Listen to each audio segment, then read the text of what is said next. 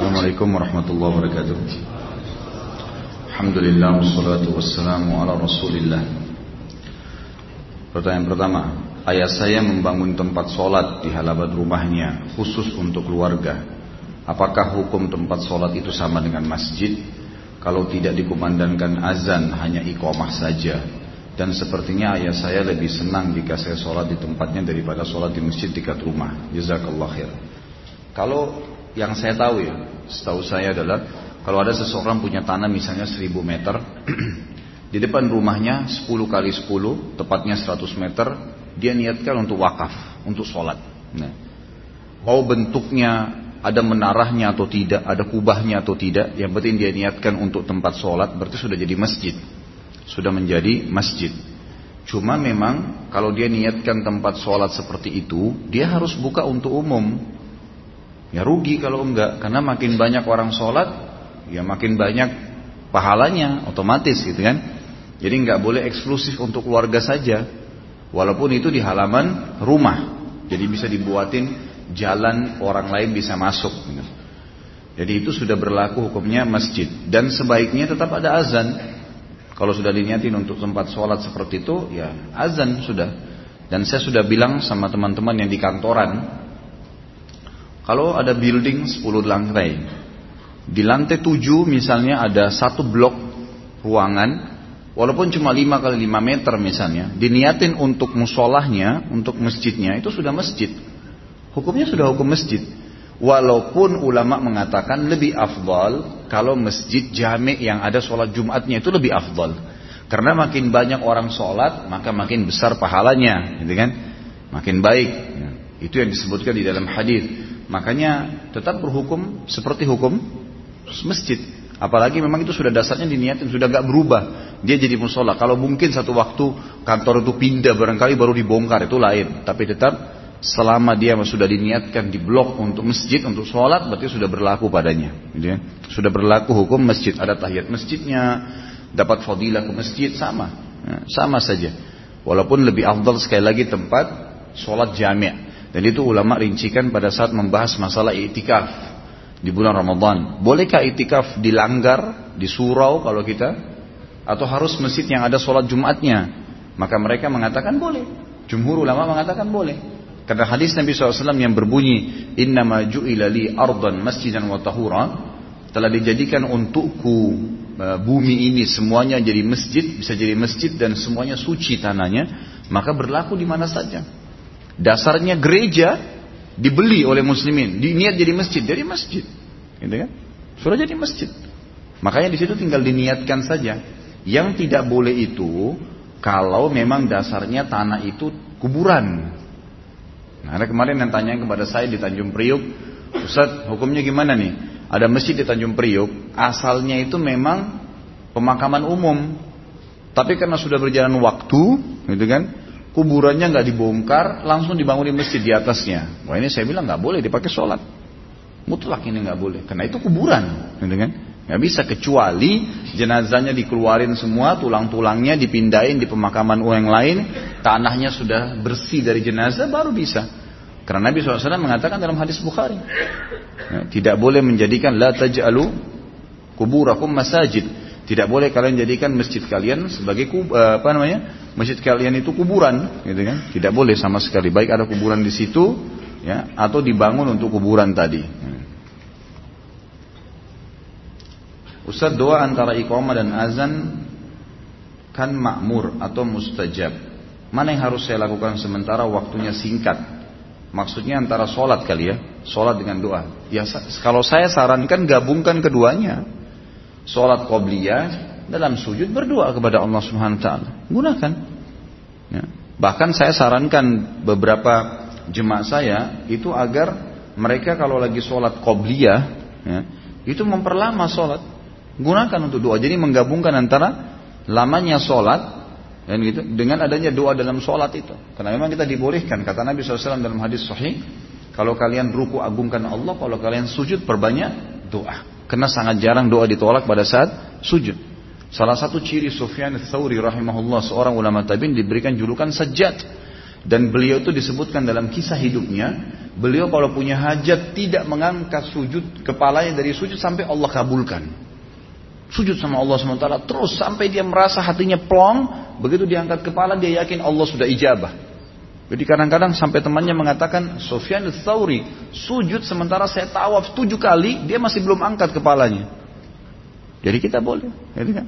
Boleh juga selesai salam baru kita angkat tangan berdoa itu boleh saja, tapi boleh digabungkan keduanya. Ustaz apa hukumnya doa meminta doa panjang umur? Boleh saja. Tapi fahami ya, meminta doa. Misalnya kita mengatakan Allah matawil umri, ya Allah panjangkan umur saya. Di sini bukan berarti kalau Allah sudah tentukan 65 lalu bertambah jadi 67, enggak. Maknanya masuk dalam hadis Nabi SAW yang berbunyi hadis sahih Riwayat Imam Ahmad, siapa yang ingin diberkahi umurnya dan diluaskan rezekinya, dia melanjutkan hubungan silaturahim, gitu kan?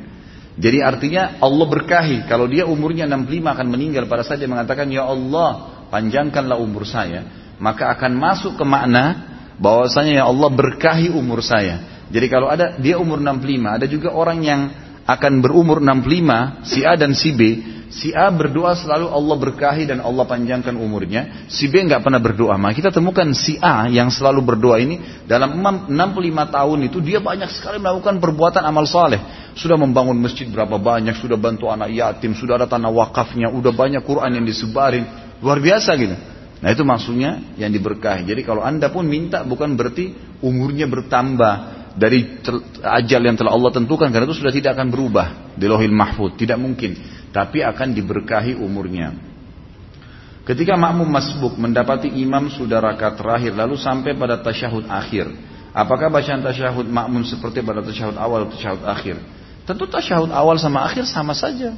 Nggak ada bedanya dua-duanya sampai selesai salawat perbedaan dasarnya adalah setelah tasyahud akhir itu ada doa dan sudah pernah kita pelajari 13 macam doa.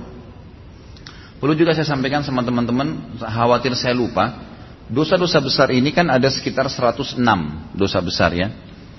Setelah saya pantau dengan teman-teman tim kameramen, ternyata masih ada e, beberapa dosa besar yang belum sempat direkam, gitu kan? Dan juga teman-teman di sini yang ikut mungkin tidak semuanya ikut dari awal. Waktu dari masjid-masjid BI sampai Masjid Al-Azhar pun itu, itu rata-rata sudah dosa sekian puluh gitu kan. Maka insya Allah ini di bahasan malam kita malam ini, itu dosa besar terakhir sebelum, eh, satu sebelum terakhir. Jadi pertemuan Rabu akan datang itu sudah dosa raya terakhir sekali. Kurang lebih sudah yang 106 gitu kan. Yang tadi itu sekitar 105. Nah, nanti setelah selesai ini kita akan review 50 dosa besar. Dan nanti akan kita ulangin dari 1 sampai 50 insya Allah kembali agar memang sempurna teman-teman yang belum ikutin dari 1 sampai 50 itu ya selebihnya dari 50 sampai 106 itu Anda bisa lihat di YouTube nanti insya Allah gitu kan? Itu akan kita insya Allah akan ulangin. Ini bukan ulangin sebenarnya ya. Jadi bagi teman-teman yang tidak ikut sekalian juga bisa diupload ke YouTube itu akan lebih baik saya pernah mendengar ada hadis yang mengatakan jika lewat salah satu dari tiga makhluk anjing, keledai, wanita di depan kita yang sedang sholat maka sholat tersebut batal. Nah bagaimana maksud hadis tersebut Ustaz? Tadi kan saya sudah saya jelaskan. Ya, tadi sudah saya jelaskan. Jadi kalau memang lewat di depan kita ya sholatnya batal. Ya sholatnya batal. Ya diulangin. Kita berhentikan sholat lagi. Gitu kan? Itu secara zahirnya hadis memang begitu. Secara zahirnya hadis memang begitu. Tapi kan alhamdulillah keledai nggak ada di Indonesia, gitu kan? Alhamdulillah. Anjing ada, tapi anjing disuruh jangan pelihara, gitu kan. Dan umumnya kalau anjing ada di tempat-tempat umum kaum muslimin pasti diusir, biasanya. Kecuali Allah alam ada yang keluar dari jalur normalnya nih. Banyak orang-orang Islam yang sengaja pelihara anjing. Sampai pernah ada satu ibu bilang, kenapa sih Ustadz Islam itu keras sekali nggak boleh pelihara binatang? Emang ibu pelihara apa? Pelihara anjing Ustadz. Emang ibu nggak bisa alihkan ke hewan lain? Ada kucing, ada ayam, ada kambing, banyak yang boleh. Kenapa harus anjing? Najis lidahnya, gitu kan? Haram untuk dimakan, nggak boleh. Pelihara kambing enak atau ayam, gitu kan? Lapar pengen potong, Bismillah makan kan enak. Beli lagi nanti, kan? Jadi jangan aneh-aneh gitu. Apakah batal apabila anak kecil perempuan yang memotong sutra kita? Enggak, kalau belum balik nggak batal. Jadi ini masuk wanita ya, karena dalam hadis dikatakan imro'ah. Makna imro'ah artinya wanita yang sudah balik. Kalau masih anak kecil, main-main di depan kita tuh nggak batal. Insya Allah nggak batal, gitu kan. Bahkan Nabi SAW pernah menggendong cucunya Umamah, anak perempuan dari Zainab ditaruh di depan Nabi SAW dan digendong lagi dan itu di depan Nabi SAW, gitu kan. Maka itu tidak masuk insya Allah kecuali yang sudah balik. Dan ini kalau lewat ya, kalau lewat. Ingat hadis Bukhari kalau antum pernah mendengarkan, kalau Aisyah radhiallahu mengatakan, saya mengetahui Nabi SAW lagi sholat malam, pada saat kaki saya terlintas di depan Nabi SAW. Dan beliau kalau mau sujud mengangkat kaki saya, dipindahkan. Itu tidak batal, karena Aisyah radhiallahu lagi tidur, tidak sadar kakinya terlintas. Ya, karena kecilnya ruangan, maka Nabi SAW bagi sholat itu kaki Aisyah sempat terlintas di depan beliau dan beliau tidak menganggap itu membatalkan, dipindahkan. Ini maksudnya memotong memang lewat, lewat ini. Terkadang di saat sholat Jumat ada dering HP yang mengganggu konsentrasi kehusuan sholat. Apakah pemilik HP bisa melakukan gerakan untuk mematikan dering tersebut yang ada di lantai? Menurut saya apa hukumnya merokok? Mengapa masih ada yang merokok di lingkungan masjid? Tentu saja boleh ya, tidak masuk dalam gerakan sia-sia kalau sesuatu yang mengganggu kehusyuan. Di dalam hadis kata Nabi SAW diambil daripada hadis yang hadis Bukhari, ulama narik hukum-hukum banyak di situ. Kalau seseorang di antara kalian sedang beringus atau tertahan lendir di tenggorokannya, maka dia boleh mengeluarkannya ke arah kiri tubuhnya agar tidak terganggu konsentrasi sholatnya ke kiri tubuh. Dalam riwayat lain, jangan dia membuang ke arah depannya karena ada Allah di hadapannya dan jangan dia buang ke arah kanannya karena ada malaikat yang sedang mengawasi sholatnya. Jadi dia boleh keluarkan. Kata ulama dari hadis ini diambil sebuah hukum kalau ada sesuatu yang mengganggu konsentrasi sholat maka dibolehkan. Di antaranya tadi mematikan HP misalnya. Makanya saya sarankan teman-teman sekalian begitu mau masuk sholat di silent. Gitu. Dan usahakan gini, kata-kata lupa itu harus hilang dari benak kita ya. Jangan bilang saya pelupa, nggak boleh. Itu sugesti negatif. Enggak, saya nggak lupa. Emang gitu. Konsentrasi, coba belajar fokus, gitu kan.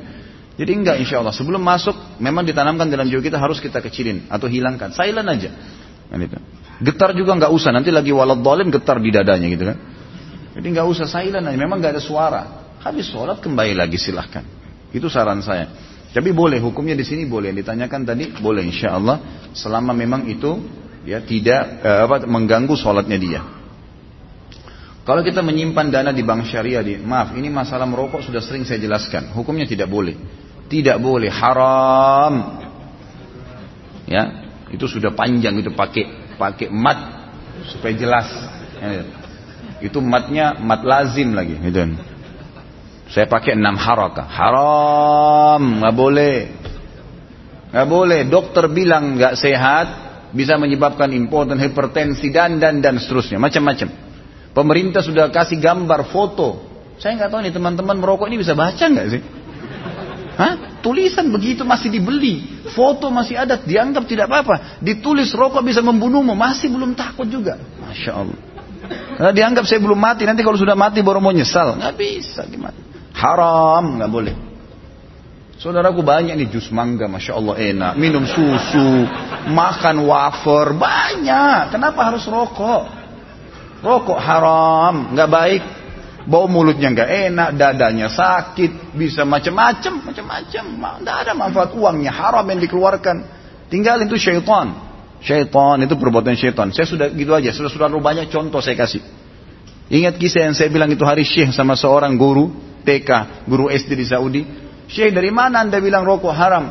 Kata syekhnya firman Allah. Allah menghalalkan yang baik-baik, Allah haramkan yang buruk-buruk. Dia bilang, ya syekh, tapi saya tidak anggap itu khabais, saya nggak anggap buruk rokok.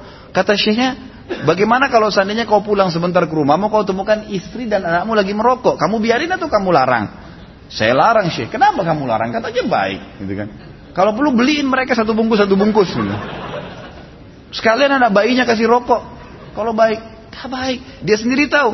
Gurunya untung berakal tuh. Dikeluarin batang rokoknya, dipatah-patahin, udah dibuang. Oh, sekarang saya tahu kenapa haram sih. Udah haram. Itu kan. Tidak boleh. Ini bahaya. Apalagi lingkungan masjid. Ini luar biasa ini.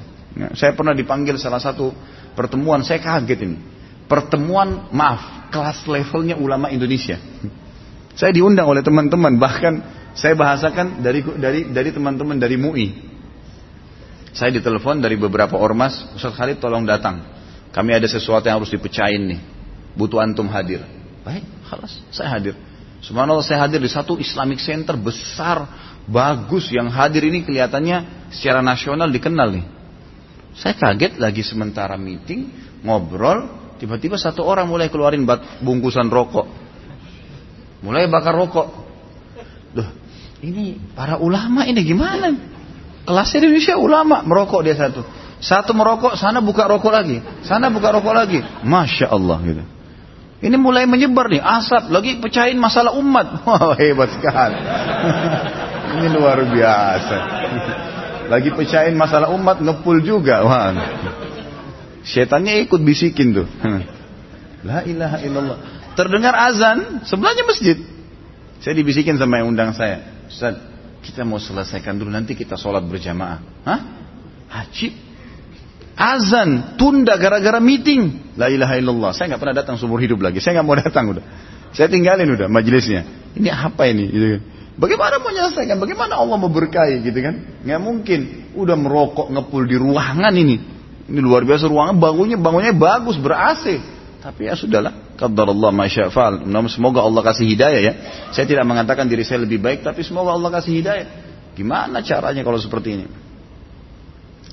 Kalau kita menyimpan dana di Bank Syariah Indonesia, apakah hasil dari apakah hasil dari bagi hasilnya bisa dimasukkan bisa dikategorikan halal ya, dibuat untuk makan? Ya insya Allah, mudah-mudahan. Ya, saya cuma mengatakan begitu insya Allah karena saya tidak pernah terlibat menjadi dewan syariah atau saya tidak pernah tahu secara khusus sistemnya secara detail ya. Tapi selama ada dewan syariahnya, ada para teman-teman di situ, insya Allah yang faham masalah syariah dan mereka mengatakan itu boleh, setahu saya boleh, gitu kan? Jadi saya berbicara secara global, tapi secara khusus saya tidak bisa memberikan gambaran.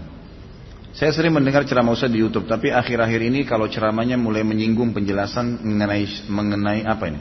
Syiah tasawuf suara selalu hilang sekedar masukan untuk selalu tetap diupdate dan minta tolong jamaah yang punya kemampuan IT untuk membantu memberikan proyek setiap ceramah diupload ke YouTube.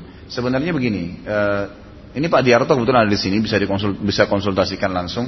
Jadi memang dulu kita di awal tim ini dibentuk, kamera kita masih sederhana, ya masih pakai kamera sederhana dan kadang-kadang memang eh, pada saat diupload pun itu masih dengan sangat sederhana caranya. Mungkin editingnya juga seperti itu. Sekarang Alhamdulillah sudah ada teman-teman kita Alhamdulillah di antara kaum muslimin yang menyumbang kamera-kamera kita sudah mulai berkembang dan mereka insya Allah juga punya andil di pahala dan sekarang cukup banyak ya, sering ada yang WhatsApp ke saya dan SMS Ustaz ini kayaknya ada yang sudah tidak bisa di download sebenarnya bukan tidak bisa di download lagi diedit yang itu ditarik kembali sama teman-teman tim kemudian diedit kembali dari awal dan baru ya dimasukkan kembali insya Allah Ya mudah-mudahan kalaupun ada yang mau partisipasi silahkan. Anda mau pahala silahkan. Tinggal hubungin Pak Diarto. Beliau selalu hadir di acara-acara kita dan tinggal konsultasikan atau bicarakan sama beliau. So, saya mau tanya apakah orang yang bertato itu tidak sah mandi wajibnya? Sah. Sah sholatnya, sah mandi wajibnya, sah zakatnya, sah puasanya. Dia berdosa karena tatonya dulu, gitu kan? Kalau dia sudah tobat Ustaz, tatonya gimana? Lebih baik dia hilangkan. Kalau dia nggak bisa hilangkan ya sudah. Tobat insya Allah sudah diterima sama Allah SWT. Dia berdosa karena perilaku tatonya dulu. Karena itu kan merusak tubuhnya. Gitu kan? Kalau dia bisa kembalikan Alhamdulillah itu jauh lebih baik. Ya kan itu. Jadi sama dengan orang membersihkan kesalahannya itu sampai akarnya. Itu lebih baik. Gitu kan? Ada orang berobat masih ada bekas penyakitnya. Tapi dia sudah berobat, dia sudah tinggalkan yang hal-hal yang membuat dia sakit itu bagus saja. Tapi kalau orang tuntaskan penyakitnya sampai akar-akarnya itu lebih baik. Seperti itulah. Jadi tetap sah insya Allah. Yang saya tahu asal dia sudah taubat. Kenapa dalam sholat tahiyat akhir kaki kanan harus ditekuk? Ya itu perintah Allah. Perintah Allah. Mau dijawab apa kira-kira? Saya pernah kasih tahu ya. Kalau ada yang berhubungan dengan perintah Allah Azza wa yang paling pertama imani dulu. Jalankan dulu. Kalau ada hikmahnya baru kita ambil. Gitu ya. Kenapa sholat duhur sama sholat asar dua-duanya empat rakaat? Padahal ini siang sama-sama. Kenapa gak jam dua siang aja empat rakaat? Lo Allah maunya begitu. Tuhan kita maunya begitu ya sudah. Kenapa tahiyat angkat jari telunjuk? Kenapa bukan jari tengah? Ya nggak bisa. Allah maunya begitu. Kan itu. Tuhan maunya begitu. Kitanya yang adaptasi. Bukan kita tarik Allah untuk adaptasi dengan kita, enggak. Karena itu sistem ya, kita harus belajar. Memang begitu. Anda kalau kerja di perusahaan, perusahaan menyuruh, nah ini mungkin mudah difahami nih. Menyuruh pakai baju putih perusahaan, Anda bilang nggak usah putih deh, bajunya hitam aja, gitu kan? Sama-sama rapi kok, nggak bisa. Perusahaan maunya putih gimana? Itu baju perusahaan, simbolnya harus sama. Kalau nggak dipecat, ya wajar Anda dipecat karena nggak ikut peraturan, gitu kan? Ini kalau sudah berhubungan sama pekerjaan, makanan cepat difaham, masya Allah. Apabila ada orang yang menjadikan badan kita sebagai sutra, apa, apa harus menunggu orang tersebut selesai sholatnya? Bagaimana bila anak kecil yang lewat depan sutra? Ini sudah saya jawab tadi anak kecil ya. Tentu saja lebih baik kalau anda ada waktu berikan kesempatan, tidak usah berdiri dulu. Lebih baik kalau kita tahu di belakang kita ternyata ada orang sholat sunnah, kita memang tidak buru-buru, mungkin tunggu cuma 5 menit, 7 menit, ya sudah tunggu. Kita juga dapat pahala insya Allah. Jadi semua orang yang menjadi penyebab orang lain berbuat ibadah dia dapat pahala. Sama juga gini ya, ini coba rapi berlalu lintas. Jadi kalau ada orang lagi mau lewat, kita lagi mau lewat juga. Banyak orang tidak mau ngalah. Ini pekah. Saya sering sampaikan di beberapa pengajian saya, kalau kita mengalah dengan niat memang mau mengalah, berbuat baik sama orang, insya Allah, selama dia jalan duluan, insya Allah, berapa jauh ban mobilnya jalan kita dapat pahala tuh. Kalau dua mobil, tiga mobil mengalah, nggak apa-apa. Nanti ketinggalan Ustaz, insya Allah enggak. Orang yang buru-buru dengan orang yang memberikan jalan sama orang itu tentunya sama aja sampai di lampu merah yang depan. Kan? Tergantung niatnya insya Allah. Apakah ada sholat sunnah qobliyah dan ba'diyah asar? Jika ada berapa rakaat? Yang saya tahu ada qobliyahnya empat rakaat. Hadis Hasan riwayat Imam Ahmad kata Nabi SAW rahimallahu mri'in hafidha arba' rakaatin qabla al-asr. Semoga Allah merahmati seorang hamba yang rutin menjaga empat rakaat sebelum asar. Kalau ba'dianya ini Allah alam yang saya tahu tidak ada. Yang saya tahu tidak ada. Ada beberapa riwayat yang menyebutkan kalau Nabi Wasallam pernah mengerjakan empat rakaat sesudah asar, gitu kan? Tetapi ini lebih umum ulama mengatakan masuk dalam khususiyatun Nabi SAW. Ini sholat khususnya Nabi SAW. Atau sebagian ulama mengatakan kemungkinan besar waktu Nabi SAW kerjakan ba'diyah asar itu dan dilihat oleh sahabat, sebenarnya itu sholat qobliyah asarnya yang beliau terlewatkan karena beliau pernah praktikin dalam hadis Bukhari yang lain kan. Beliau pernah habis sholat asar tiba-tiba langsung sholat sunnah lagi. Habis sholat asar, sholat sunnah ya empat rakaat. Lalu beberapa sahabat tanya ya Rasulullah sholat apa ini? Ada wahyu baru turun? Maksudnya ini selama ini ada larang kami sholat ba'diyah asar. Kata Nabi SAW ini ba'diyah duhur saya yang tadi saya tersibukkan dengan satu kaum yang punya hajat dengan saya sampai terlewatkan masuk waktu asar dan saya lupa. Maka beliau kerjakan setelah asar itu. Bagaimana etika ketika nama Rasulullah SAW diucapkan saat khutbah Jumat? Bilang Wasallam. Yang tidak jawab apa-apa itu tidak jawab salam, tidak jawab salawat. Itu kalau lagi sholat. Itu saja. Karena Nabi SAW mengingatkan kepada kita. Sholat ini dalam hadis Bukhari tidak layak dimasukkan perkataan apa pun kecuali sholatnya. Jadi nggak ada jawab salam, tidak ada jawab salawat, nggak ada. Kalau kita habis salam ingat, ya kita mengatakan Sallallahu Alaihi Wasallam dengan niat tadi. Kita mengatakan Waalaikumsalam warahmatullahi wabarakatuh kalau ingat, gitu kan? Kalau nggak ingat ya sudah, karena kita lepas daripada hukum, gitu kan? Kalau sholat maka hukumnya berlain.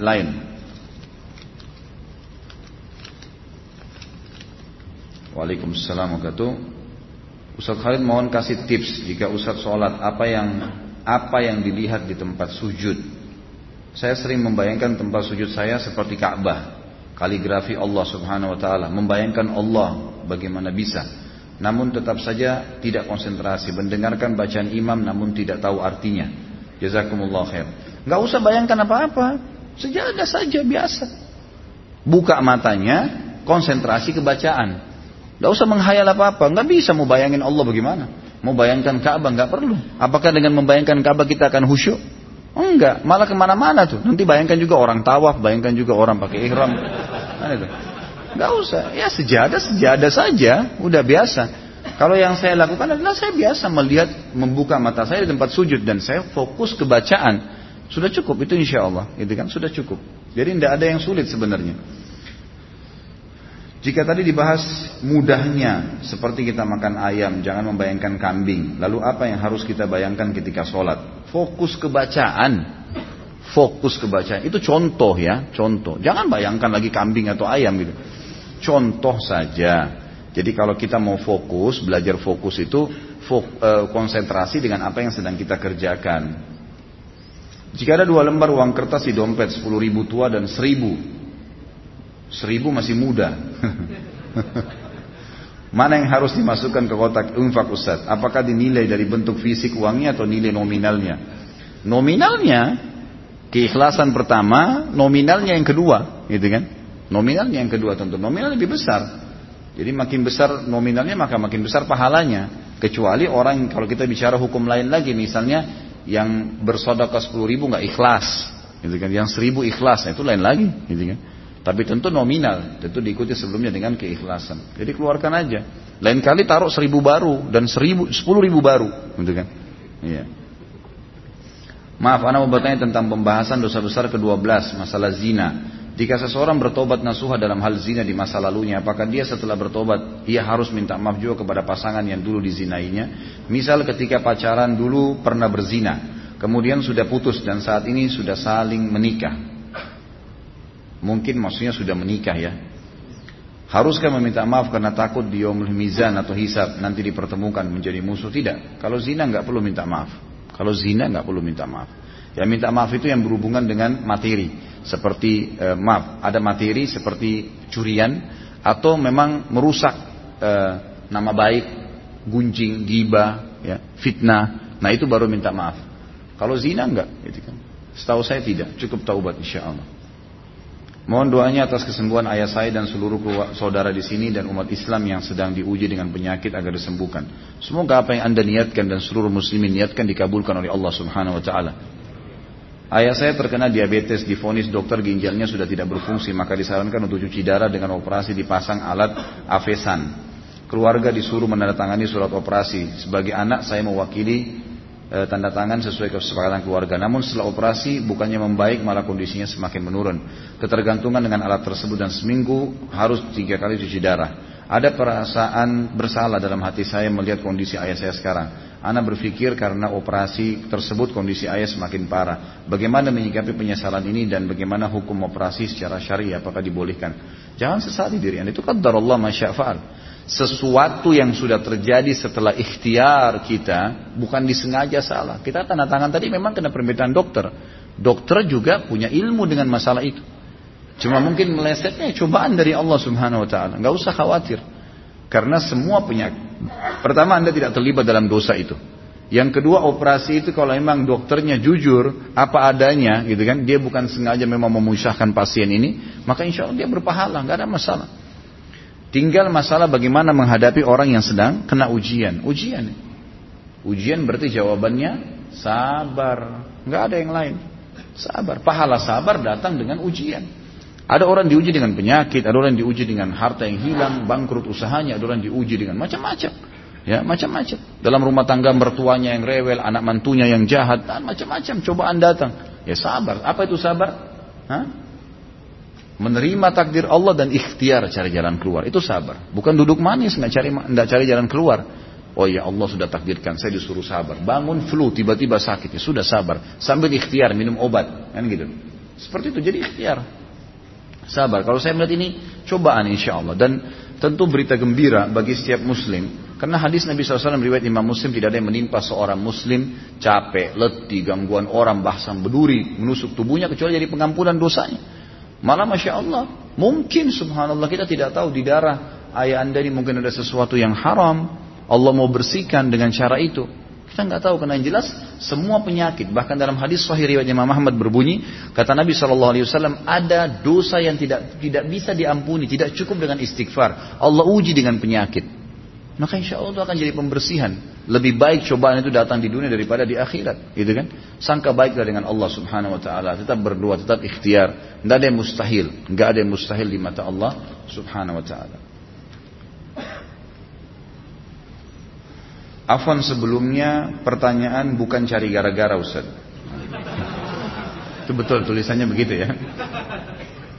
Ketika kita menyinggung masalah poligami, saya coba survei, bertanya ke bawah, ke banyak beberapa akhwat yang awam, belum mengenal sirah nabawiyah, bahkan untuk menyebutkan sembilan istri Rasulullah SAW tidak tahu. Selalu mengatakan statement bahwa Rasulullah poligami kan menikahi janda-janda yang sudah tua yang ditinggal suaminya, syahid ketika jihad. Kalau mau poligami, sana sama janda tua yang jelek. Jadi bukan karena nafsu. Mohon penjelasannya Ustaz bagi mereka yang belum mengenal istri, istri Rasulullah untuk menggambarkan secara singkat bahwa istri Rasulullah SAW bukan janda-janda tua tapi bidadari pilihan yang cantik. Istri Nabi SAW yang sembilan, yang tua itu cuma satu orang. Ummu Salamah. Hanya itu. Yang lain semua tidak tua, gitu kan? Janda yang masih muda, Hafsah masih muda, Sofia masih muda, Juwairiyah masih muda, Maria Kiptia masih muda. Semuanya masih muda itu. Umur-umurnya tidak jauh dari Aisyah radhiallahu anha. Memang tidak ada secara detail disebutkan, tapi umur mereka pada saat menikah dengan Nabi SAW semuanya di bawah 30 tahun. Semuanya. Aisyah saja yang lebih paling muda gitu kan. Cuma Aisyah satu-satunya wanita perawan yang dinikahi oleh Nabi SAW. Memang begitu. Tapi dalam masalah pernikahan tetap berlaku hadis Nabi SAW yang berbunyi menikahlah dengan perawan, gitu kan? Karena dia akan lebih bisa masuk dalam kehidupanmu. Tentu banyak riwayat menjelaskan masalah ini. Anda bisa kembali ke buku yang saya pernah bawain, mahkota pengantin, gitu kan? Cuma saya sudah sering bahasakan ikhwani dan akhwat. Teman-teman laki-laki di sini, poligami itu adalah tingkat tertinggi level dalam pernikahan. Kalau kita mau melakukan poligami, dari sekarang dirancang, diprogramkan memang. Tiga tahun lagi saya akan poligami. Apa yang kita harus lakukan dalam tiga tahun? Ya buat planning. Buat program. Bukan saya mau poligami malam ini besok nikah, bukan. Salah itu, gitu kan? Jangankan mau poligami menikah dengan istri yang pertama saja tetap butuh planning. Beda orang yang merancang pernikahannya dengan orang yang belum, gitu kan? Kalau dia sudah rancang sebelumnya, tiga tahun lagi saya mau nikah. Sekarang sudah mulai pikir bagaimana ada tempat tinggal sendiri, mulai ada kendaraan sendiri, pendapatan nanti kalau menikah begini, sudah ada rancangannya, kan gitu.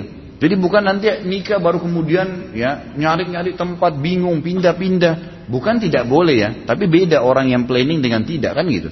Orang yang programin. Jadi kita program tiga tahun. Nah yang perlu kita lakukan adalah dua hal.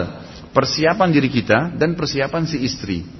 Persiapan diri kita adalah persiapan. Ingat, orang kalau menambah pasangan hidup butuh ekstra tenaga, ekstra pendapatan, ekstra waktu. Ya Ingat haknya istri kalau berpoligami mabit malam. Jadi bisa saja pada saat orang poligami dia ke istri yang yang satunya itu dia tidak tidur. Bisa saja. Besok dia mau kerja nih, itu konsekuensinya. Karena haknya si perempuan. Dia mau diajak tidur, mau diajak ngobrol, mau dia itu haknya dia. Gak bisa mabit. Dan nafkah itu dua hal nggak bisa dibantah. Harus ini, gitu kan? Kecuali dia memang yang tanazul, udah nggak apa-apa malam ini nggak datang ke saya misalnya, itu haknya dia nggak bisa. Itu ekstra semua, ekstra waktu, ekstra biaya, ekstra kekuatan fisik, ekstra. Jadi kalau an antum laki-laki ini terbiasa dengan tidur yang banyak, itu susah poligami itu, nggak bisa. Memang nggak bisa, susah. Karena nanti akan susah, nanti kita kondisi capek gitu, nggak mungkin, gitu kan. Sisi yang lain, kita persiapkan juga istri, istri dipersiapkan. Berikan bekal-bekal buku agama, berikan pemahaman tentang agama, sehingga keimanan dia juga bisa seimbang sampai pada level itu nanti. Seperti saya jelaskan kemarin, kalau target kita angka 10, maka kalau kita nggak capek angka 10, kita minimal 9 dan 8. Tiga tahun lagi itu sudah mendekati kunci kesuksesan. Akan bisa, insya Allah. Akan bisa, asal diplaningkan, diprogramin. Ini bukan asal jalan gitu kan. Tapi memang kita punya program. Sama begini, kalau kita kerja di kantor, jabatan yang sama, pendapatan yang sama, tapi ditambah job kerjaan. Itu Itu orang berumah tangga lagi. Karena dia tambah. Kalau antum siap silahkan jalankan. Gitu kan? Silahkan. Tapi ingat, jangan menambah job kerjaan ekstra, kerjaan pokok ditinggalkan. Nggak boleh. Ada orang banyak subhanallah ikhwah gitu. Asal ini kan poligami Islam perintahin. Kalau kau tidak terima terserah. Bukan itu itu boleh dibahasakan kalau dia menolak mentah-mentah poligami. Tidak mau, itu bukan agama. Misalnya, itu lain. Kita jelasin sama dia. Nggak boleh dia nolak. Itu kan hukum maka nggak boleh. Kemarin subhanallah ada yang tanya kepada saya di Wisol waktu saya live. uh, Ahad kemarin, judulnya Anda bertanya kami menjawab setiap Ahad malam. Alhamdulillah saya tampil jam 8 sampai jam 10. Ada satu ibu tanya, Ustaz, bolehkah saya minta cerai karena suami saya poligami? Itu setengah jam saya bicara masalah poligami. Gak boleh ibu minta cerai. Dengan alasan apa minta cerai? Apakah suami ibu melakukan perbuatan yang haram?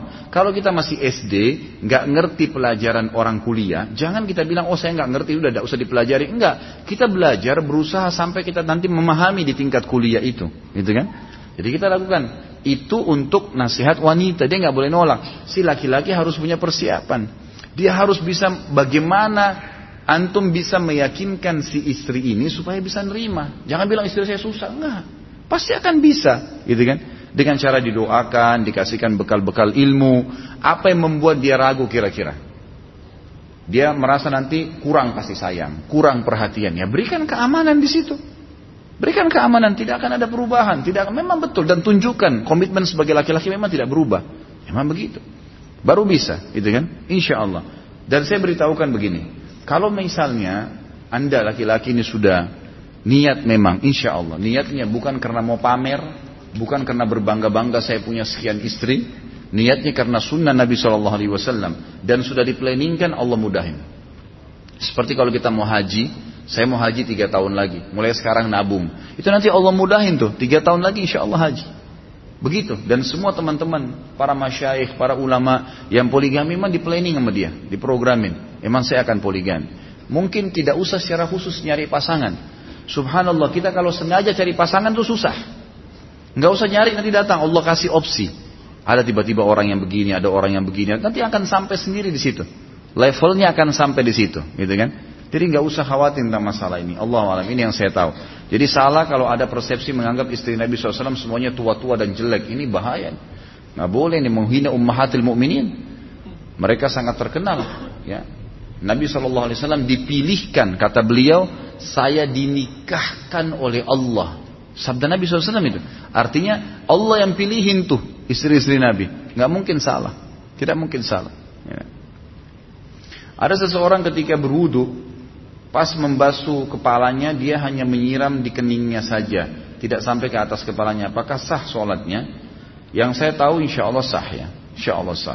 Karena yang merupakan rukun dalam wudu adalah telapak wajah dan siku, tangan dan siku, gitu kan? Yang anda lakukan kalau tayamum, itu rukun mutlak, nggak ada khilaf di antara ulama. Kalau telapak tangan, kumur-kumur, hidung, kepala, kaki ini masih dimasukkan dalam kategori umumnya ulama bilang sunnah muakkadah. Yang itu, sunnah muakkadah. Insya Allah sah. Tapi tentu lebih baik dia lakukan dan dia belajar ya. Kalau anda lihat ingatkan, Pak kepalanya belum kena gitu. Dibahasakan. Teman saya ayahnya telah almarhum, tapi teman saya suka sudah tahu sunnah yang tidak ada dalil tentang tahlilan, tapi keluarganya tetap saja melakukan acara tersebut. Apa yang harus teman saya lakukan agar tidak dibilang ajaran Wahabi? Dan apakah boleh eh, apa ini diam di tempat pintu masuk hanya untuk menyambut salam dengan tamu yang tidak mengikuti ritual? Tolong masukannya Ustaz. Sudah sering saya bahasakan ya gitu. Jadi kita tunjukkan sunnah Nabi SAW. Kalau ada orang meninggal, kita datang bertakziah. Kalau keluarga kita meninggal, kita siap menyambut tamu, nggak apa-apa. Kalau ada sesuatu pelanggaran, sampaikan. Ini tidak ada contohnya dari Nabi SAW. Nggak usah khawatir dikatakan Wahabi itu nggak perlu khawatir. Kenapa sih? Kenapa kalau dikatakan Wahabi itu ada apa? Dan Wahabi itu bukan istilah bagi orang yang ikut sunnah sebenarnya itu istilah oleh orang-orang Syiah yang memang sengaja mencari satu istilah agar orang-orang orang muslimin umumnya kaum awam ini khawatir dan ketakutan dengan orang-orang yang mengikuti sunnah Nabi. Karena Wahabi cirinya berjenggot, tidak isbal, kalau azan ke masjid perempuannya pakai cadar, emang begitu. Gitu. Jadi orang dibuat takut dengan istilah itu. Anda kalau tidak dan itu tidak tidak benar istilah Wahabi nggak benar, nggak ada hubungannya sama sekali. Jadi nggak usah tersinggung dengan istilah itu.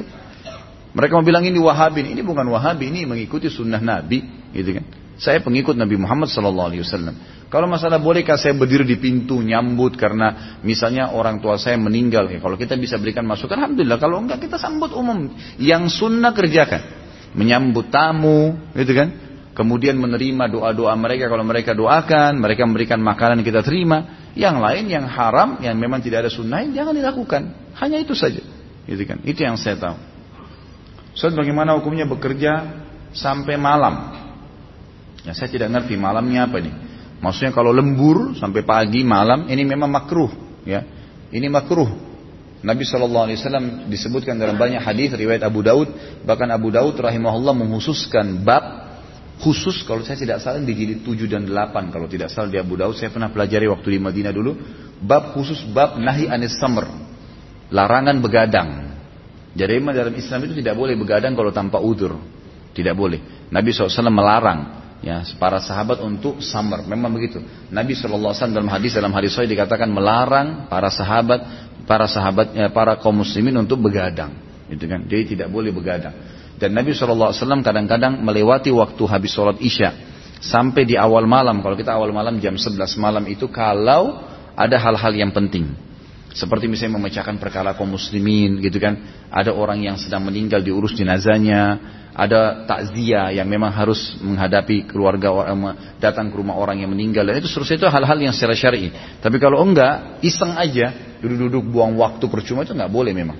Makanya Umar bin Khattab radhiyallahu anhu beliau setiap malam keluar membawa cambuk dan keliling di kota Madinah. Kalau ada yang kumpul-kumpul enggak ada gunanya ditanya, "Kenapa kalian kumpul-kumpul?"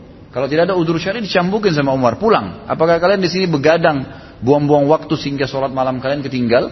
Sholat subuh-subuh kalian ketinggal?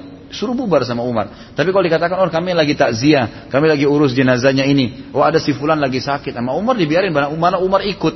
Radiyallahu anhu. Jadi kalau ada udur syari boleh, kalau enggak maka jangan. Ya. Kalau pekerjaan ini memang darurat, anda dapat shift malam, apa boleh buat? Memang cari nafkah, nggak apa-apa insya Allah. Itu masuk dalam hal yang tidak apa-apa. Tapi kalau setiap malam saya sarankan jangan, gitu kan? Karena memang ini waktu Allah siapkan untuk istirahat, cari pekerjaan yang pagi. Amalan apa Ustaz agar iman tetap naik? Perbanyak amal soleh. Pertama majelis ilmu, kemudian aplikasikan dengan amal soleh dan bentuk komunitas. Itu saja yang saya anjurkan, gitu kan? Jadi selalu majelis ilmu seperti ini hadirin. Kalau nggak bisa hadir, dengarin ceramah-ceramah yang ada itu. Alhamdulillah sekarang di YouTube, di macam-macam lah, di video, apalah bisa macam-macam, bisa di download, bisa diambil, bisa didengar. Teman-teman kadang-kadang juga ngirim ya beberapa cuplikan-cuplikan itu bagus ya. Jadi ilmu Kemudian aplikasikan dalam amal soleh, azan sholat. Yang sudah kita tahu lah. Kesempatan puasa-puasa, baca Quran, berzikir. Orang semua sudah tahu ibadah-ibadah tinggal dikerjain. Dan cari teman-teman yang soleh. Semua teman kita harus soleh dan soleha. Maksud saya laki-laki sama laki-laki, perempuan sama perempuan. Soleh sama soleh, solehah sama soleha. Jadi cari teman-teman yang memang sholat malam, hadir di majelis ilmu. Kita kalau ngomong selalu ngomongin tentang ceramah Ustadz Fulan, materi ini, tafsir ini, sebab nuzulnya, sirah Nabi. Jadi hal-hal yang bermanfaat, gitu kan? Tentang kondisi muslimin di Palestina, itu yang dibicarakan. Bukan masalah diskotik ini, karaoke itu, apa mall ini, baju ini, merek ini, sepatu itu, nggak ada guna-gunanya semua, gitu kan? Jika sholat menggunakan sutra saf di depan kita atau orang di depan kita, kemudian orang itu pergi, apakah kita harus melangkah kaki ke depan mendekati sutra di depan? Apakah jika kita melangkah ke depan dalam arti tidak ada sutra lagi di depannya, sholatnya tetap sah? Tentu boleh ya, boleh dalam Islam. Bahkan kata Nabi SAW dalam hadis Sahih riwayat Imam Ahmad dan Imam Tirmidzi berbunyi langkah kaki yang paling mulia di muka bumi adalah yang datang untuk menutupi saf-saf yang kosong. Kata ulama dari hadis ini adalah orang melangkah. Dalam hadis lain dikatakan kalau imamnya beruzur, imam tiba-tiba batal wudhunya, kan dia tidak boleh lanjutin sholat tuh. Dia harus keluar ya. Maka yang di belakangnya menggantikannya dengan cara melangkah ke tempat imam. Jadi melangkah dalam sholat dibolehkan. Atau ada saf yang kosong, dia melangkah, dia menutup itu dibolehkan dalam agama dan tidak batal sholatnya. Kecuali kalau antum berada di tempat tengah-tengah masjid misalnya, ada orang kita jadikan sutra depan kita, ternyata mihrab, apa namanya sutranya terlalu jauh, gitu kan? Mungkin bisa 5-6 saf ya nggak usah. Niatin saja. Tadi dalam beberapa mazhab Hanabila dikatakan tempat sujud kita seperti sejadah ini nih. Ujungnya di depan tempat sujud kita sudah niatin itu tempat sutra saya. Artinya orang lewat di depannya nggak masalah. Kalau nggak ada benda yang bisa kita taruh ya. Kalau kita bisa taruh sesuatu kotak, apalah, tas dan seterusnya itu lebih baik. Bagaimana jika ada anak kecil yang bermain? Ini sudah. Jadi anak kecil nggak ada masalah ya. Insya Allah nggak masalah. Mau tanya tentang doa kunut di masjid dekat rumah anak setiap kali sholat subuh pakai kunut. Ini sudah sering kita bahas ya. Mana yang lebih afdal Ustaz? Mengikuti imam pada kunut atau tidak? Karena ada dalil tentang seseorang apa ini? Bertanya kepada bapaknya, wahai ayahku, apakah Rasulullah SAW ketika sholat subuh pakai kunut? Lalu ayahnya menjawab, tidak wahai anakku. Dan banyak dalil yang harus mengikuti imam ketika sholat. Tentu saya simpulkan begini. Uh, Imam Ahmad rahimahullah beliau yang melemahkan hadis tentang kunut dan beliau memang ulama hadis. Gurunya Imam Syafi'i ya, memakai hadis tentang kunut. Kunut itu bunyinya hadis kunutnya itu Nabi SAW tidak pernah meninggalkan kunut sampai meninggal, gitu kan? Itu hadisnya. Imam Syafi'i menggunakan hadis ini. Imam Ahmad mengatakan hadis ini lemah, nggak boleh. Karena dalam perawinya ada pembohong, gitu kan? Dan Imam Syafi'i Allah pernah berkata kepada Imam Ahmad, muridnya, dia mengatakan, wahai Ahmad, apa pun yang sampai kepadamu dari Rasulullah SAW sampaikan kepada kami karena kamu lebih mengerti tentang hadis daripada kami. Imam Syafi'i fokusnya ke ilmu fikih, Imam Ahmad fokusnya ke hadis, gitu kan? Tapi Imam Ahmad juga mengatakan dengan lemahnya hadis ini, ini hadis lemahnya bukan hadis lemah yang harus ditinggalkan. Artinya bukan hadis lemah yang lemah sekali dan tidak bentrok dengan hadis-hadis yang sahih. Imam Ahmad mengatakan siapa yang sholat di belakang imam yang berkunut maka dia ikut kunut. Dia ikut kunut menjalankan karena hadis yang menyuruh kita patuh pada imam, menjadikan imam sebagai imam kita untuk dipatuh itu lebih sahih. Maka didahulukanlah hadis ini untuk jadikan sebagai tolok ukur. Allahu alam. Tapi kalau sholat sendiri antum boleh tidak kunut. Apa yang harus dilakukan apabila yang melewati sutra itu anak? Ini sudah. Bagaimana pelaksanaan sunnah rawatib di hari Jumat pada saat sholat Jumat? Apakah bisa dilaksanakan karena sebelum Jumatan mulai sepertinya tidak ada waktu cukup untuk sholat sunnah qobliyah. Setahu saya tidak ada qobliyah Jumat, gitu kan? Setahu saya. Selama ini hadis-hadis semua menjelaskan kepada sholat tahiyat masjid. Hadis sahih riwayat Bukhari yang berbunyi, siapa yang tiba pada hari Jumat, kemudian dia mandi mandi junub, gitu kan? Kemudian dia pakai baju yang terbaik, dia pakai wangi-wangi yang terbaik, lalu dia sisir rambutnya dengan rapi meletakkan wangi, ya minyak, maaf, minyak di rambutnya, Kemudian dia datang ke masjid lalu dia sholat yang diperintahkan. Kata-kata diperintahkan sini adalah perintah pada saat masuk masjid, sholat tahiyat masjid. Lalu kemudian dia duduk di dekat imam dan pada saat imam datang dia dengarkan khutbahnya lalu dia sholat Jumat kecuali diampuni dosanya yang telah lalu. Ini hadis yang paling sahih berhubungan dengan sholat yang dikerjakan sebelum sebelum Jumat, gitu kan? Dan disebutkan dalam riwayat yang lain juga riwayat Bukhari bahwasanya para sahabat kalau masuk ke masjid di hari Jumat mereka sholat dua rakaat dan mereka duduk sambil menunggu Nabi SAW sampai khutbah dibacakan oleh beliau. Artinya tidak ada sholat lain. Memang sholatnya tahiyat masjid itu. Tapi ba'diyah ada. Kalau ba'diyahnya ada empat rakaat. Hadis sahih riwayat Imam Ahmad menyebutkan Nabi SAW mengerjakan empat rakaat setelah Jumat. Kadang-kadang beliau kerjakan dua rakaat di masjid. Kadang-kadang beliau kerjakan dua rakaat di rumahnya. Apakah Rasulullah SAW mengerjakan sunnah rawatib? Sudah saya jelaskan. Apabila kita sholat di Nabawi, terutama di daerah Raudhah. Di situ sering terjadi sutra kita dilewati banyak orang. Bagaimana solusinya? Saran saya nggak usah sholat di Raudhah. Saran saya. Kecuali memang dalam keadaan ada waktu pelong, ada tempat luang, kita bisa sholat, tidak terganggu nggak apa-apa. Karena begini, menghususkan sholat di Raudhah dibandingkan dengan tempat-tempat yang lain di Masjid Nabawi ini bertolak belakang dengan sunnah Nabi Shallallahu Alaihi Wasallam. Hadis Nabi yang berbunyi antara rumahku dengan mimbarku taman dari taman surga, raudhatun min riyadil jannah, ini perlu difahamin. Jadi kalau Al-Qur'an itu ada sabab nuzul, kalau hadis ada sabab wurud, ya. Sebab turunnya ayat ada, kalau kita tangkap itu kita akan faham maksud Allah di ayat itu. Kalau hadis namanya sebab wurud, sebab Nabi sebutkan hadis itu. Kalau kita faham ini kita akan tahu apa maksud Nabi SAW. Perhatikan khusus hadis tentang Raudhah ini, Nabi SAW waktu keluar dari rumah beliau ke masjid, karena rumah beliau bersebelahan dengan masjid. Begitu masuk, keluar dari rumahnya Aisyah, radhiyallahu anha langsung pintu masjid, langsung masuk, langsung tempat sholatnya beliau. Kebetulan waktu itu memang masjid Nabi hanya antara rumah sampai mimbar, nggak ada yang lain. Memang lokasi masjid waktu itu, itu saja. Antara rumahnya dengan Eh, mimbar Nabi SAW. Kata Nabi SAW waktu itu pas melihat begitu masuk di masjidnya Nabi SAW, beliau lihat sendiri di masjidnya. Ada sahabat lagi mengaji, ada yang lagi zikir, ada yang lagi sholat, ada yang lagi berdoa. Semuanya ibadah-ibadah yang baik nih. Kata Nabi SAW karena melihat perilaku-perilaku sahabat itu antara rumahku dan mimbarku taman dari taman surga. Jadi ada sebab penyebutan hadis itu karena perilaku-perilaku sahabat yang mulia tadi bukan karena fisik tempatnya. Gitu kan. Ini penting. Dan hubungkan ini dengan hadis Nabi SAW yang lain, hadis Sahih riwayat Imam Bukhari. Sholat di Masjid Haram Mekah, 100 ribu pahala. Sholat di masjidku ini, seribu. Masjidku ini. Nabi tidak bilang di Raudhah, enggak. Di masjidku ini, artinya kata ulama, masjidku ini selama dia terus diperluas seluas apa pun dan masih nyambung saf dengan satu imam, maka masjid Nabawi. Gitu kan? Maka kita sholat di saf yang sisi kanan, timur, ke barat, ke utara, ke tidak masuk di raudah pun tetap sama seribu pahalanya. Dan terlalu banyak hadis yang maudhu. Maaf saya bahasakan, ini hadis dusta. Orang sholat di raudah akan diampuni sekian banyak dosanya dan segala ini semua tidak benar akan dapat syafaatku pada hari kiamat. Coba anda kembali ke kitab-kitab mauduat. Hadis dusta. Nggak pernah Nabi SAW sampaikan. Jadi jangan dikarang-karang saudaraku akhirnya memaksakan diri masuk ke raudah diinjak-injak kepalanya dan seterusnya. Tidak perlu.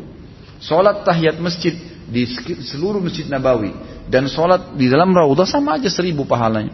Insya Allah sama. Tetap kita memuliakan masjid Nabawi. Tetap kita menganggap Raudhah itu bagian yang dikatakan Raudhah memang masjid awalnya Nabi Shallallahu Alaihi Wasallam. Tapi tidak ada seperti yang banyak disebarkan dari hadis-hadis palsu itu mengatakan ada fadilah khususnya. Allahu alam. Dan fahami tadi hadis tentang sebab wurudnya, sebab disebutkannya hadis itu. Bagaimana solusinya apabila imam membaca surah Al-Fatihah super cepat?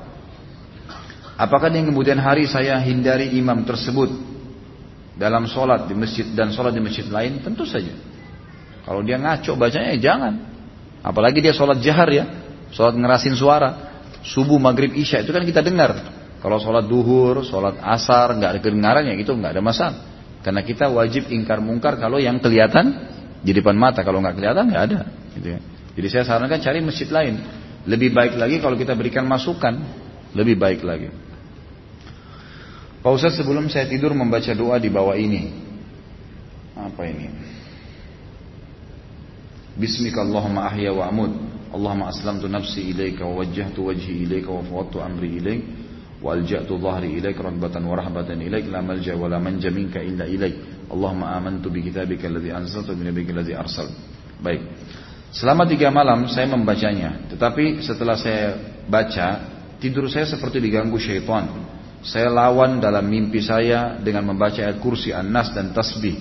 Dengan sebisanya saya akhirnya bisa bangun dari tidur saya saya khawatir bila saya kembali baca pada malam-malam berikutnya hal serupa akan terulang. Mohon doa tersebut eh, maka doa tersebut tidak saya baca dan eh, tidur saya tidak diganggu. Padahal sebelum saya tidur saya sholat dua rakaat dan witir. Yang saya ingin tanyakan bolehkah saya teruskan doa tersebut? Itu waswas syaitan. Gak ada hubungannya antara kita baca doa ini lalu syaitan ganggu. Kalau kita baca doa ini, doa ini dapat pahala dan memang tidak ada jaminan dengan baca doa ini kita selamat dari syaitan nggak ada. Doa ini sahih, riwayat Abu Daud. Dua-duanya hadis sahih, gitu kan? Ini diamalkan. Tetapi doa yang dianjurkan yang bisa mengusir syaitan ada. Hadis misalnya mengatakan siapa yang membaca ayat kursi sebelum tidur dia akan dijaga dari syaitan. Hadis yang lain juga dua-dua hadis Bukhari berbunyi siapa yang membaca ya, ayat terakhir dari surah Al-Baqarah lillahi ma fis samawati wal sampai akhir gitu kan? Itu akan menjadi pencukup baginya. Kata ulama hadis pencukup dari syaitan. Nggak ada yang goda dia. Kemudian baca al-ikhlas al-falak an-nas tiga-tiga kali. Ditiup telapak tangan diusap ke tubuh. Ini insya Allah tidak akan terganggu. Kalaupun sudah dibaca itu dan ternyata kita lihat dalam mimpi syaitan datang mengganggu dan seperti tadi saya melawannya dengan ayat kursi. An-nas al-ikhlas al-falak itu berarti memang Kebanyakan seperti ini indikasi Anda ada gangguan sihir. Dan biasanya justru itu petunjuk dari Allah. Kalau Anda dalam mimpi berhasil membacakan ayat dan meniup lalu dia mati, mati benar tuh. Berarti Anda selamat dari sihir itu. Biasanya indikasi sembuh seseorang yang kena sihir itu. Selain dia dirukyah, dia berdoa kepada Allah Azza wa nanti dalam mimpi datang tuh ada dilihat penyihir sama dia atau dia dilihat setan gitu kan kemudian dia bacain ayat begitu gitu kan begitu jadi memang kita melihat dalam mimpi kita Allah SWT berikan. Malah itu positif. Maka saya sarankan lanjutkan. Lanjutkan. Jangan malah berhenti. Itu kan jangan malah berhenti. Tapi tambah dengan ayat-ayat atau bacaan tadi yang saya yang saya sampaikan. Ayat kursi. Dua ayat terakhir dari akhir Al-Baqarah. Kemudian Al-Ikhlas, Al-Falak, An-Nas dibaca tiga-tiga kali ditiup telapak tangan lalu diusapkan ke tubuh. Tentu yang ditiup diusapkan hanya Al-Ikhlas, Al-Falak, An-Nas ya. Ayat kursi sama akhir Al-Baqarah tidak ada perintah untuk ditiupkan ke telapak tangan. Bagaimana hukum sholat Jumat untuk teman-teman kita yang bekerja di anjungan lepas pantai, pengeboran minyak?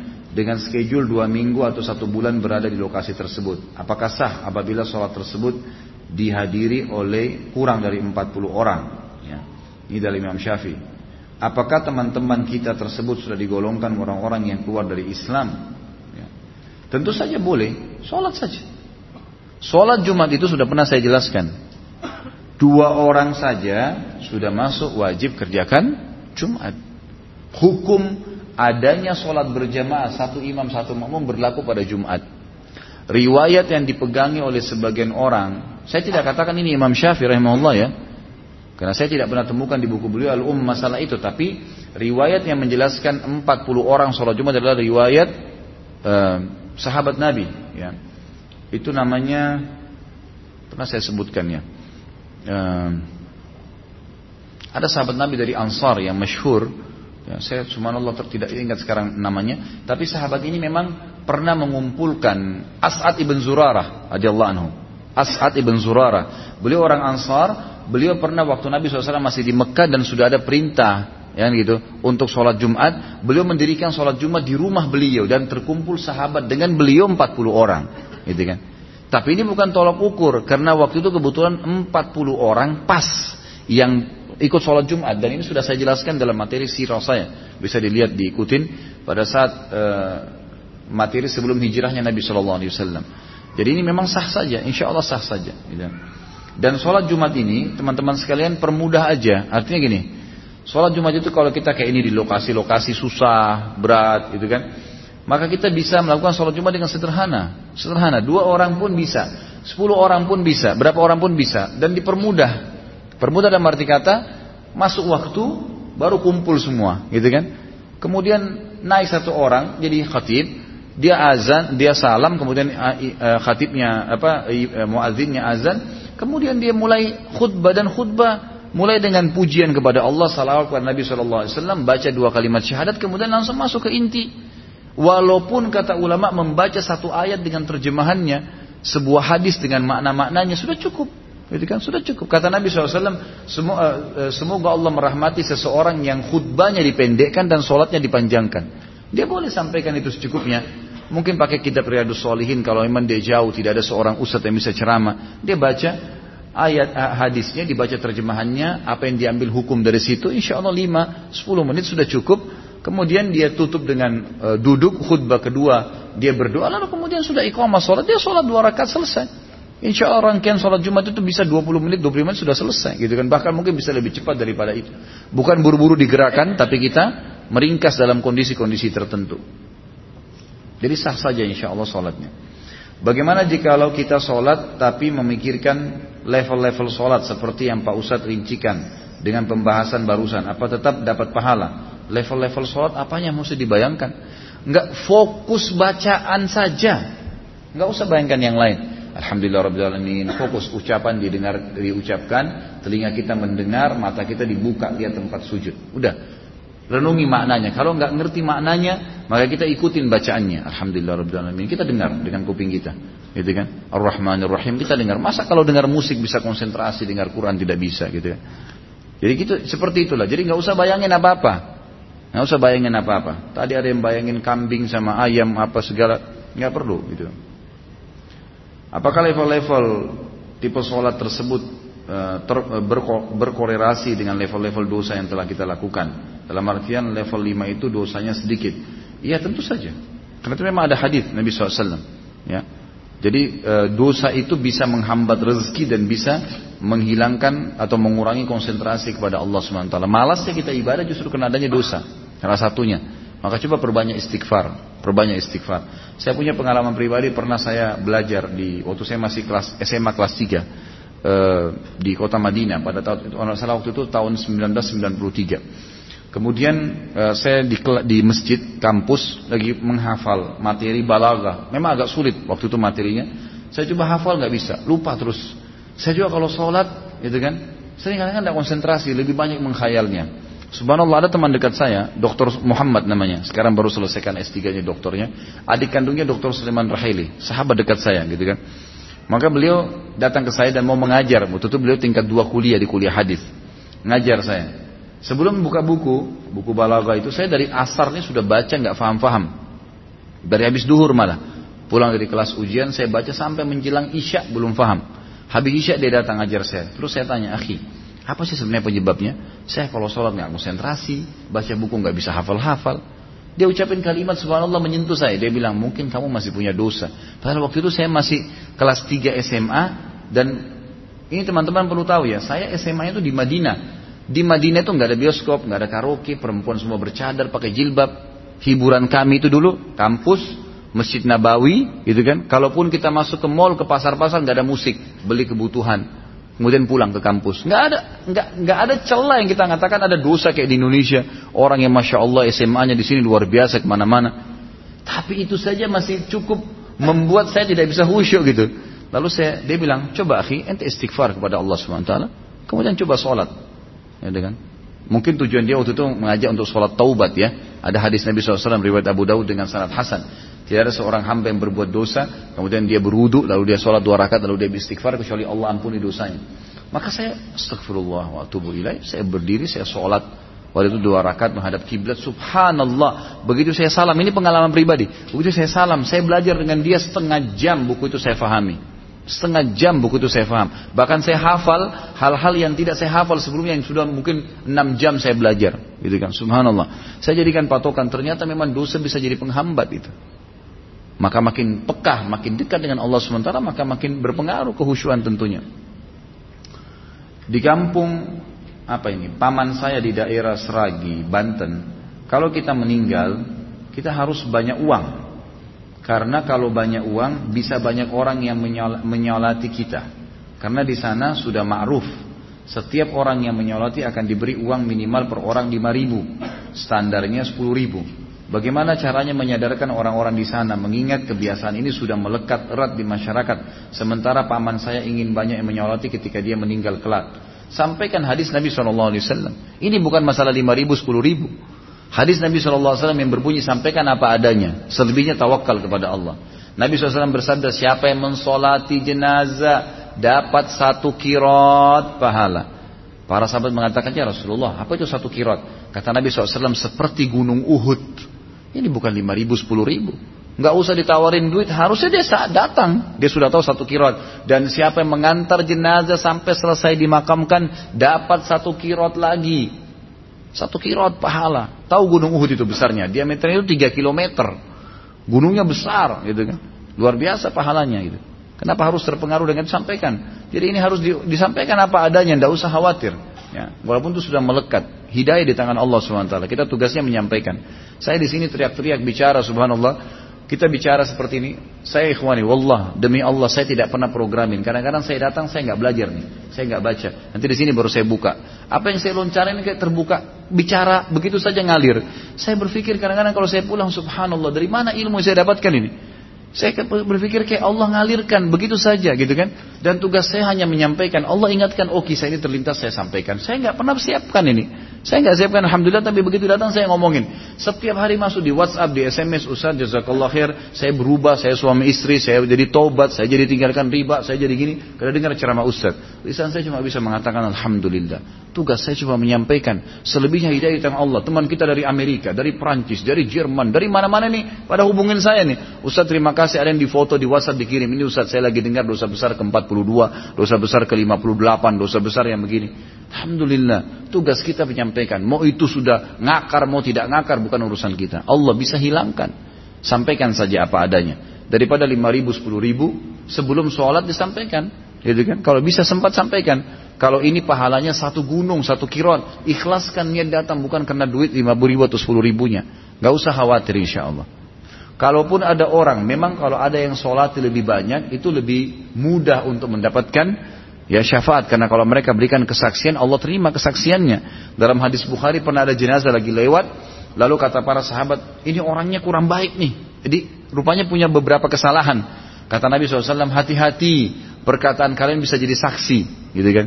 Lalu lewat jenazah yang lain lalu para sahabat mengatakan orang ini baik nih. Kata Nabi SAW perkataan kalian akan jadi saksi. Sesungguhnya kalian saksi Allah di muka bumi. Gitu kan. Jadi artinya bisa berlaku tuh apa yang kalian ucapkan. Maka ucapkanlah yang baik-baik. Kata Nabi SAW, Udhkur mahasina mautakum. Sebutkan kebaikan-kebaikan jenazah. Kalian tidak usah bicara keburukannya lagi kalau sudah meninggal. Udahlah, udah berlalu sudah. Maafin saja, gitu kan? Seperti itu. Bolehkah memberikan denda berupa uang dalam sebuah transaksi dengan maksud untuk menertibkan atau menghindarkan menghindari penipuan? Misal, pemilik barang ingin menjual barangnya dengan cara dici apa ini? Uh, dengan cara cicil melalui perantara. Ketika perantara memperoleh pembeli, maka si perantara ini mendapatkan komisi.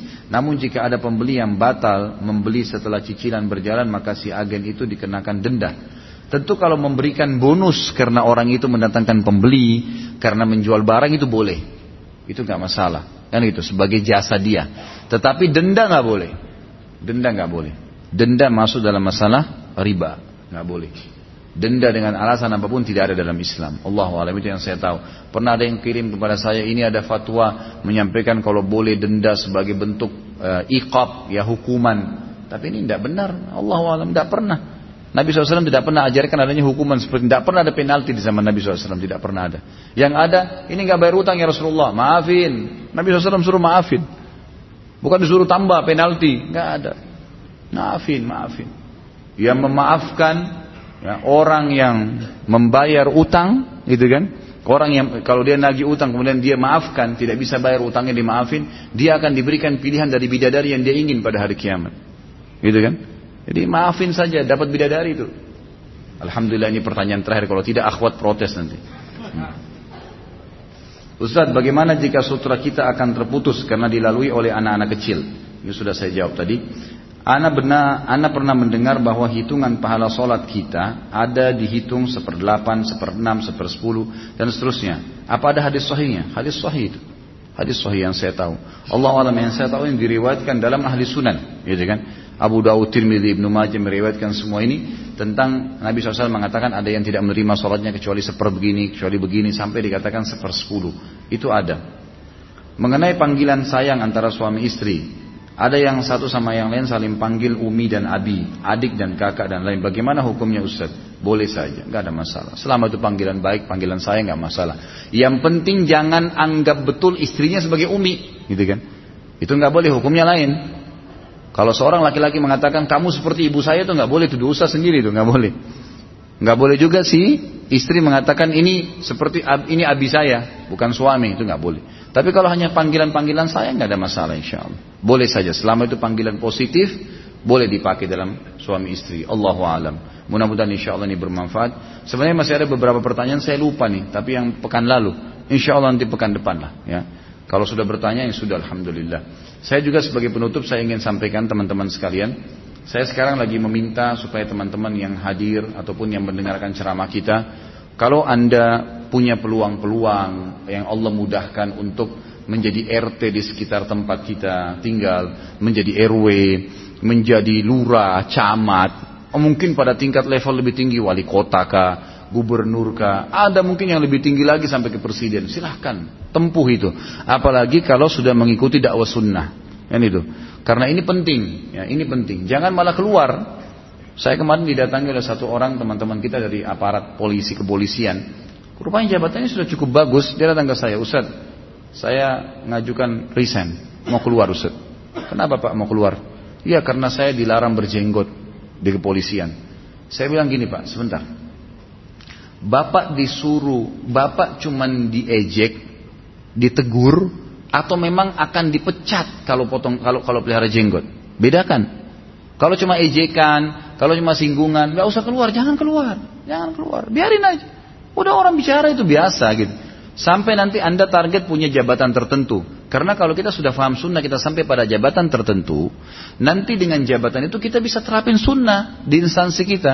Selama ini dakwah sunnah ini merayap di bawah nih. Orang-orang yang di atas ini pada belum paham nih. Berapa banyak wali kota, gubernur, mungkin juga sampai presiden dan wakil presiden, mungkin belum paham sunnah itu seperti apa. Sehingga bisa saja isu-isu yang tidak baik disampaikan ke mereka tentang dakwah sunnah. Satu instruksi bisa memberhentikan dakwah sunnah ini. Gitu kan?